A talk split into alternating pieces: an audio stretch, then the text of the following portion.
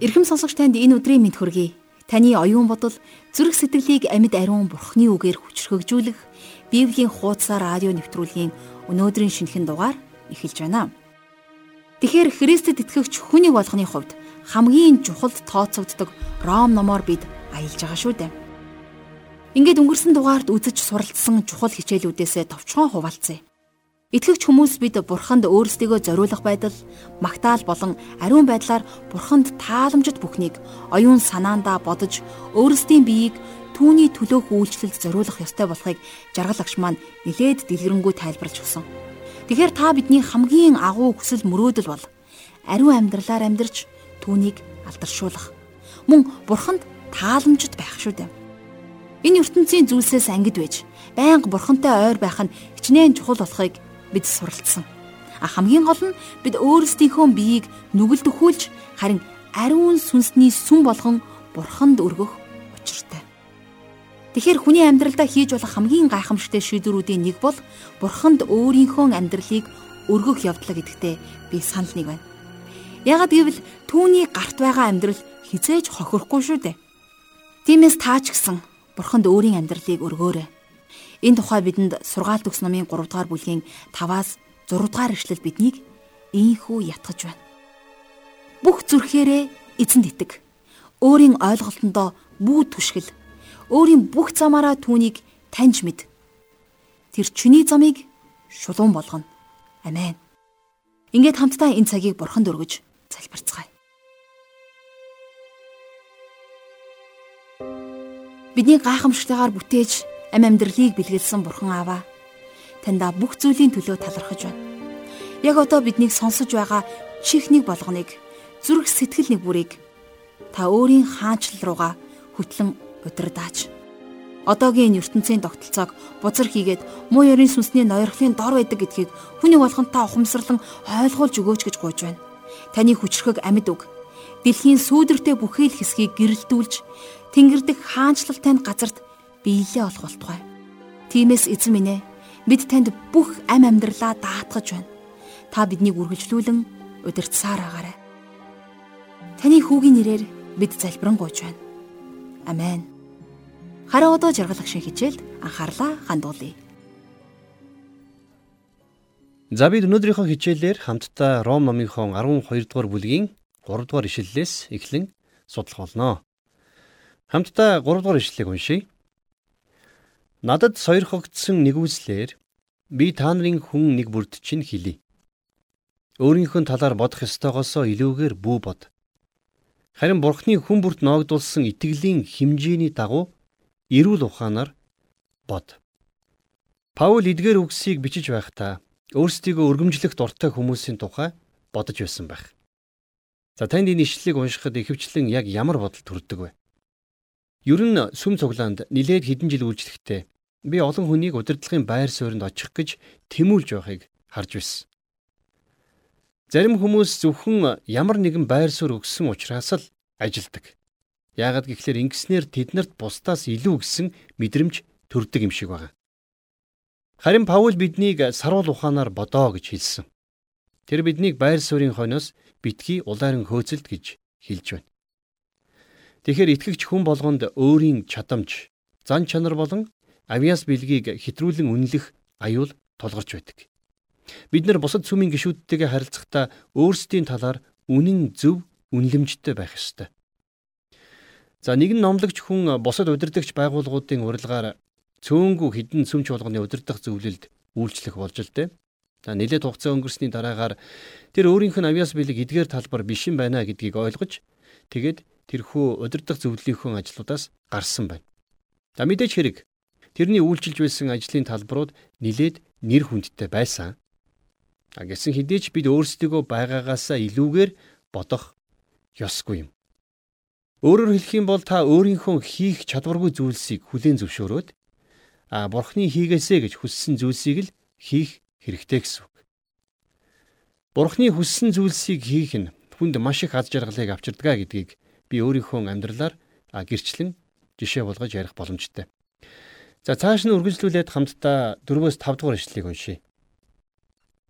Нэг үед олон эргэтэн байдгийн адил мөн бүх хэрэгтэнд ижил үйл ажиллагаа байдгүй адил бид олоола Христэд нэг бие бөгөөд хүн бүр нэг нэгэндээ эргэтэн юмаа гэж бичсэн байна.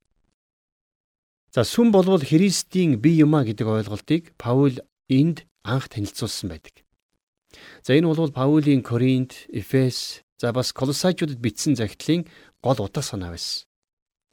Тэгэхээр сүм Христийн бие гэдэг утгаараа хүний биеийн адилаар ажиллах ёстой болгоно. За энэ нь хүний биеинд байдаг олон эд эрхтнүүд хоорондоо адилхан авиас бэлэггүй байдаг юм а гэдгийг онцгойлон харуулж байгаа юм. За жишээлх юм бол танд надад байхгүй авиас байгаа. Харин Паул өөрт нь сүнсний бүх авиас бэлгүүд байхгүй гэдгийг хүлээн зөвшөөрсөн байна. Яагаад гэвэл тэр сүнсний авиас бэлгийн тухай ярих болгондоо урд нь дурдаагүй шинэ авиас бэлгүүдийг нэмж байсан. Учир нь яагаад үг гэхээр Бурхны ариун сүнс тэрнийг энэ бүгдийн тухай ярихт нь удирдах байсан гэсэн үг. За цааш нь 6 дугаар эшлэл дээр бидэнд өгөгдсөн нэгүслэр бэлгүүд маань ялгаатай. Иш үзүүлэг нь итгэлийнхээ хэрээр. За энэ төр зогсох хэрэгтэй. Яагаад тэгэхээр бэлгүүд гэдэг үг бол энд каризмата гэсэн грек үг. За нэгүсэл гэдэг үгтэй яг адилхан үндэстэй байдаг. За тийм учраас энэ үгийг нэгүүлсэл за нөгөөтэйгөр үнгүй бэлэг гэж орчуулж болно. Яагад гэвэл энэ бэлгийг Бурхны ариун сүнсэл хүмүүн бидэнд өгдөг. Бурхан сүмд иш үзүүлэгч багш зэрэг авьяас бэлэгтэй хүмүүсийг өгсөн. За харин бидэнд өгөгдсөн гэснээрээ Христийн биеийн гишүүн бүр авьяас бэлэгтэй төдийгүй гүйцэтгэх үүрэгтэй байдгийг энд онцлон хэлсэн байна. За бас ялгаатай гэсэн үг гарч байна тийм ээ. Тэгэхээр ялгаатай гэсэн үгээрээ авиас бэлгүүд нь хоорондоо өөр гэсэн утгатай. Гэхдээ энэ үг нь зарим хүмүүс авиас бэлэггүй гэсэн утгыг агуулдаг. Учир нь тоглоом дотор байгаа хүн болгон өөр өөр ингэсэн авиас бэлэгтэй байдаг. За энэ хүү авиас бэлгэн ч гэсэн бас бурхны нэгүүлсэл а түүнээс ирдэг бэлгийн нэг хэсэг юм. Бурхан таныг авраад итгэгчдийн дунд нэгэн бий болгоход танд өөрийн гэсэн үүрэг бий болж байдаг. Та ямарваа нэгэн техник шиг ажиллахгүй харин амьд бие шиг ажиллана. Авиас бэлгийг ашиглах үед ариун сүнсний хүчээр баталгаажиж байдаг. Итгэгч хүн болгон өөрийнхөө авиас бэлгийг шалгаж үзэх хэрэгтэй байдаг. Хэрвээ танд ямарваа нэгэн авиас бэлэг байна гэж үзээд та энийг ашиглаж байгаа бол бас гарах үр дүнгийн шалгаж үзэх хэрэгтэй. Та хүмүүсийг үнэхээр өрөөж байна уу? Та сүмийг босгож байна уу? Эсвэл сүмийг хагалж байна уу? Эдгээр асуултыг өөрөөсөө байнга асууж байх хэрэгтэй. За цааш нь үргэлжлүүлээд иш үзүүлэг гэсэн үгийн талаар энд товчхон ярилцъя. За энэ үг бол бурхнаас дамжуулсан үгийг хэлдэг. За бурхны өгсөн итгэлийн хэмжээний дагуух бэлэг юм. За тэгэхээр энэхүү авиас бэлэг тохируулан өгсөн хүч чадлын дагуу өгөгдөх ёстой гэдгийг анзаарах хэрэгтэй. За тийм учраас үргэлжлүүлээд 7 дугаар эшлэлдэр ингэж бичсэн байна. Үйлчлэл нь үйлчлэлээр сургагч нь сургаалаар гэж. За тэгэхээр үйлчлэл нь гэдэг нь бусдад үйлчлэн туслах бодит үйл явцыг хэлж байна. Христийн биед энэ амьяас бэлэг янз бүрийн хэлбрээр ашиглагддаг. За жишээлх юм бол хурлын сандал засах, угтагч хийх гээд маш олон зүйлүүд байдаг л да. А зарим хүн хоол хийж үйлчилдэг. Тэгэхээр үйлчлэлийн авьяас бэлэг маш өргөн цар хүрээтэй байх нь байна. Тийм учраас энэхүү үйлчлэл гэсэн энэхүү зүйлд бол маш олон зүйл ордог. За 8 дугаар ишлэлдэр Ятгагч нь ятгалгаар, өгөгч нь өгөөмрөөр, удирдагч нь хичээнгүй зүтгэлээр, өршөөгч нь баяртайгаар үйлдгсэн байна. За ятгалаг гэдэг үг болвол грек дээр параклесис гэж буудаг. Тэгэхээр параклесис гэж энэ үг болвол дуудаж ойртуулах. За ямарваа нэгэн зүйлийн төлөө дуудах гэсэн утга санааг агуулдаг. Өөрөөр хэлэх юм бол параклесис гэдэг энэ үг болвол тайтгарлын үг. Зарим хүмүүс үнэхээр бусдыг тайтгаруулах авьяас бэлэгтэй байдаг. Тэд нар хэдийгээр сайн номлодгүй ч гэсэн танд ууга шүү зовлон тохиолдсон үед таныг маш сайн тайвшруулах боломжтой байдаг. За цааш нь өгөгч гэсэн бэлэг авьяас гарч байна тийм ээ. Тэгэхээр өгөгч гэдэг үгийн талаар энд товчхон тайлбарлая. За энэ нь эд зүйлсээ хуваалцдаг хүнийг хэлж байгаа. Бурхан танд мөнгө олох авьяас бэлгийг өгсөн байж болно. За тэгэхээр ийм авьяас бэлэгтэй хүмүүс олон зүйлсийг бусадтай хуваалцж байдаг. За дээрэс нь удирдагч нь хичээнгүй үйлчил гэсэн нь удирдлагын буюу за менежментийн авьяас бэлгийг хэлж байна. Удирдлагын авяас бэлэгтэй хүмүүс сүмийн бүх хил үйл ажиллагааг жигд явуулах нөхцлөөр хангаж байдаг. Тэгэхээр сүм чуулганы үйл ажиллагаа заавал удирдлагын авяастай хүнийг шаардаж байдаг юм. За цаашлах юм бол өршөөгч гэсэн бэлэг авяас байсан тийм ээ. Тэгэхээр энэ нь сайн үйлс бүтээгч за сайхан сэтгэлтэй хүнийг хэлж байгаа. Зарим хүмүүс хүмүүсийн амьдралд уйдгар гуниг авчирч байхад ямар ч хүнд нөхцөл байдалд гэрэл гэгээг бас авчирдаг хүмүүс байна. За үргэлжлүүлээд 9 дугаар эшлэлдэр хайр нь хоёр нүүргүй байг. Муу муухайг жигш сайнаас зуурч аваа гэсэн байна. За би хувьдаа энэ ишлэлд маш их дуртай. Хайр нь хоёр нүргүй байг гэж хэлснээрээ та хин нэгнийг худлаа магтаж тал засах хэрэггүй гэсэн үг. Тийм учраас таны хайр хоёр нүргүй байг. За харин муу муухайг жигч гэсэн нь муу зүйлсийг үзен ядаж сурахыг хэлж байгаа. Та цуглаан дотроо буруу зүйлийг олж харсан болвол зохих удирдлагын хүмүүстэй мэдэгдэж байх хэрэгтэй. Хэрвээ та өөрөө сүмийн удирдлагын зүйл дотор байдаг болоод за тэгээ тэр дотор худал хуурмаг зүйлс болж байгаа бол та үнний талд зогсож сурах хэрэгтэй гэсэн үг. Амьдрал дээр маш олон тохиолдол дээр бид нар зөв зүйлийн төлөө зогсох зүрх зориггүй байдаг шүү дээ. За ийм байдлаас болж сайн сүм цуглаанууд тарж нурсан түүх байдаг. Тэгэхээр муу зүйлсийг жигших зоригтой хүмүүс өнөөдөр бидэнд хэрэгтэй гэсэн үг. За цааш нь сайнаас зуурч ав гэсэн байна. За зуурна гэдэг бол яг л цавуугаар наасан юм шиг сайн зүйлтэй салшгүй холбоотой болохыг хэлж байна. Тэгэхээр дүгнэлт хэлэхэд итгэгч хүн бараан сүүдэр бүхий зүйлстэй биш. Харин үргэлж сайн зүйлстэй холбогдож явах ёстой гэсэн утга санаа гарч байна. 10-аас 11 дугаар эшлэлдэр ах トゥ усийн хайраар бие биенээ хайрл. Бие биенээ өөрсдөөсөө дээгүр дээдлэн хүндэл. Хичээл зүтгэлд бүү хойрог бай. Эзэнд үйлчлэн сүнс дотор шат. За маш сайхан практик зөвлөгөөнүүд байна. Бусдыг хүндэтгэх үзэл суртал, ариун сүнсээр гэрэлтсэн байдал, бурхны зүйлсээр шатсан байдал гэдэг бол үнэхээр итгэгч хүний хувьд гайхалтай замнал. За тэгээд дээрэс нь ах トゥ усийн хайраар бие биенээ хайрл гэж бичсэн байна. Өөрөөр хэлэх юм бол нэгэн гэр бүлийн гишүүд шиг бид нар бие бинийгээ хайрлаж сурахыг хэлж байгаа. Та итгэгч хүн бол огт танихгүй За Африк тивд байдаг ч юм уу итгэгчдэд бас ахан дүүс нь болно гэсэн үг тийм ээ. Тэгэхээр бид нэр итгэгч ахан дүүс нартайгаа мөнхийн мөнхийг өнгөрөн шүү дээ. Тэд нар заримдаа амаргүй. За сонин санагдах боловч бид нар одооноос тэднийг хайрлахад суралцах хэрэгтэй гэсэн ийм ойлголт энд явж байгаа юм. Харин мөнхийн мөнх буюу цаг хугацааны хязгааргүй тийм ертөнцид очих үедээ тааж гисэн шин алдаршсан биетэй болж хэцүү ахан дүүснэр чинь ч гэсэн шинэ биетэй болсон байна шүү дээ. За тэгээд цааш нь хичээл зүтгэлд бүү хойрог бай гэж бичсэн байна. За энэ бол ажил үйлстэй холбоогүй харин бурхны төлөөх зүрх сэтгэлийг хэлж байгаа. За сүнс дотор шат гэсэн байсан. Тэгэхээр сүнсээр шатах буюу сүнсээр гэрэлтэх гэдэг нь та бидний халуун сэтгэл ариун сүнсний удирдамжинд дор байнга байхыг хэлж байгаа. За бас эзэнд үйлчлэн гэдэг нь Итгэгч хүний амьдралдаа хийж байгаа бүхий л зүйл зөвхөн энэ л замналын төлөө байх ёстой гэдгийг бидэнд сануулсан хэлж байна. За үргэлжлүүлээд 12-оос 14 дугаар ишлэлийг хамтдаа харъя. Найдвар дор баярл. Зовлон дор төвчээртэй бай. Залбиралд өөрсдийгөө зориул. Ариун хүмүүсийн хэрэгцээнд хандвал зочломтгой байхыг ирмэлц. Та нарыг хавчигч нэгнийг ерөө. Ерөө харин бүү хараа гэсэн байна. За яг энэтэй ижилхэн үгийг Есүс өөрийнхөө сургаал дотор заасан байдаг тийм ээ. За найдвар дор баярлах нь ердөөсөө л итгэгч хүний хувь тавилан. Итгэгч хүний амьдралд сайн муу зүйлс аль нь тохиолдно.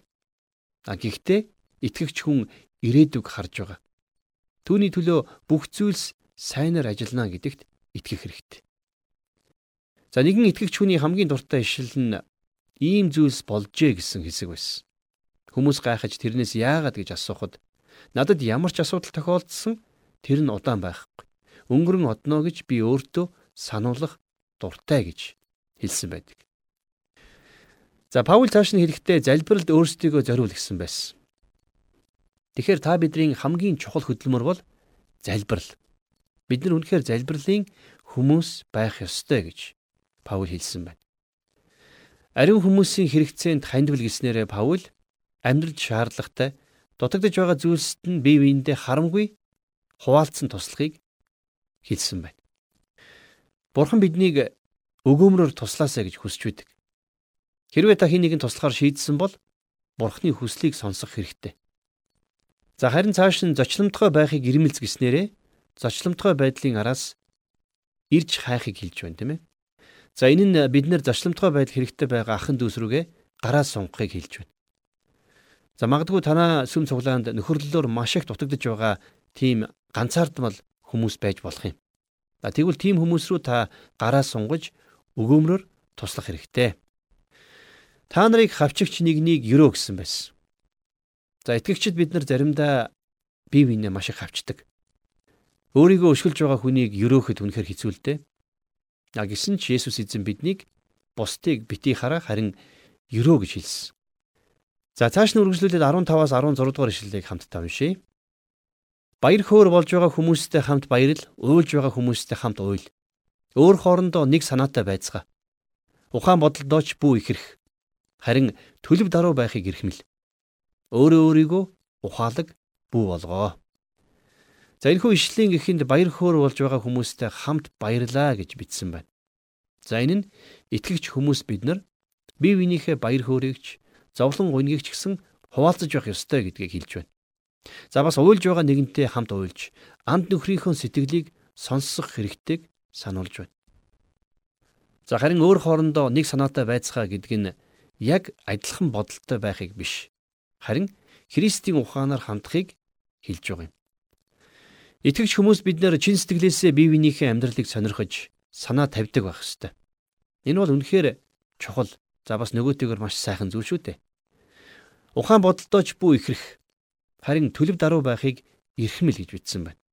За энэ бол даруй хүмүүстэй нийлэх, энгийн даруй зүйлсийг хийхээсээ айхгүй байх тухай сануулсан сургамж байна. Паул Филиппо хотынд хандаж бичгтээ өөр хоорондоо Христ Есүст байсан тийм бодолтой бай гэж бичсэн байдаг. Тэгэхээр Христ ямар бодолтой байсныг та мэдэх үү? Христ даруй бодолтой байсан. За цаашлах юм бол өөрөө өөрийгөө ухаалаг бүү болгоо гэж бичсэн байна. За энэ нь юу гэж хэлж гэнэ үг гэхээр өөрийнхөө ухаанаар битгий бардамнан сайх гэсэн үг. Өнөөдөр олон итгэгчид өөрсдийгөө сүнсний манлайлагчид гэж боддог боловч үнэн хэрэгтээ амьдрал дээр яг тийм байдаггүй. Бурханаас мэрэгэн ухааныг авсан Соломон хаан хүртэл энэ талаар өөрийнхөө бичсэн сургаалт төгс номын 26 дугаар бүлгийн 12 дугаар эшлэлдэр ингэж бичсэн байна. Өөрөө өөрийнхөө нүдэнд мэрэгэн байдаг хүнийг чи үзсэн үү? Мунхаг хүнд тийм нэгнээс ч илүү засрах найдлага бий гэж. Тэгэхээр бид нэр өөрсдийнхөө зүрх сэтгэлийн дотор байгаа хуурамч байдлын нөөц чадварыг шударгаар хүлээн зөвшөөрөхдөө зөв буруугийн талаар баримталдаг өөрсдийнхөө жишгүүдийг бурхны жишг гэж хизээч хялбарчлан бодож болохгүй байх нэ. За ингээд дараагийн хичээлээр энэ яриагаа үргэлжлүүлэн үздэцгэнэ. Тэгэхээр бурхан биднийг сонгон авахдаа түүний өгсөн авьяас бэлгээр бусдад үйлчилж хайраар өсгөхөөр дууддаг. Энэ үнэхээр гайхамшигтай бэлэг гэдгийг бид онцлон дуртахыг хүсэж байна. Учир нь бардам зам болон өөрийгөө чухалчлан үзснээс болж заримдаа хүн өөрийгөө мэрэгэнд тооцож эхэлдэг. Тэгвэл мэрэгэн ухаан хийгээд үнэн нь хүний бодол эргцүүлэлээр бус. Харин сударт бурхан хэлсэн бас илчилсэн зүйлийг хүлээн авснаар бүрэлдэн бий болдог. Тиймээс тэрээр бидний бодол санаагаа өөрийнх нь илчлэлтийн эрх мэдэл болоод ариун сүнсний үйлчлэл захируулахын тулд даруугаар хурж ирэхийг дууддаг. Бурхны хүү Есүс Христэд итгэсэн хэн боловч түүн дотор ах дүүсийн ёсоор чин сэтгэлийн энэрэнгүй зөөлөн сэтгэлээр өөрсдөө бие биедээ зориулах ёстойг өнөөдрийн хичээл та бидэнд дахин дахин сануулж байна. Харин өнөөдөр та энэ хайраар хэрхэн өсөж байгаа бол Та бусдаас өөрийгөө дээгүүр тавьж байна уу? Танд Христийн ухаан байна уу? Харин эдгээр асуултуудын хариулт та бидний дотор байгаа. Тиймээс та өөрөө өөрөөсөө чин шударгаар асууж өөрөө өөртөө мөн тийхүү хариулаарай. Учир нь Яаков номын 4-р бүлгийн 10 дугаар ишлэлд эзний оршихуд өөрсдийгөө даруй болго. Тэгвэл тэр та нарыг өргөмжлөх болно гэж хэлсэн байдаг. Ингээд өнөөдрийн хичээлээс сурсан зүйлийнхаа төлөө бурхандаа талархаж залбираад хичээлээ өндөрлөцгөөе. Тэнгэрлэг ариун аав минь ээ. Мэргэн ухаан хайраар дүүрэн үгээ. Зүрх сэтгэлд минь шингээж асгаж хүсэнд таньдаа талархаж байна. Эзэн өргөжлүүлэн та бидний алхам тутамд хамт байж даруй байдлыг та бидэнд өмсгөөч гэж гуйж байна. Та биднийг хайр дотор өсгөөч. Итгэвч хүмүүс бид бие биенээ хүнддэхийн зэрэгцээ бусдад байгаа сайн чанаруудыг хүндэлж үзхийг үнэхээр хүсч тэмүүлж байхад та туслаарай. Бид танд үйлчлэлээ. Бид танд ам амьдралаа. Бид танд өдөр хоногудаа өргөж энэ бүх зүйл таныг баярлуулсан. Танд тааламжтай тэр өргөл болгон хүрэх болтугай. Бүхний тань даатгаж Есүс Христийн нэрээр залбирanгуйч байна. Амен.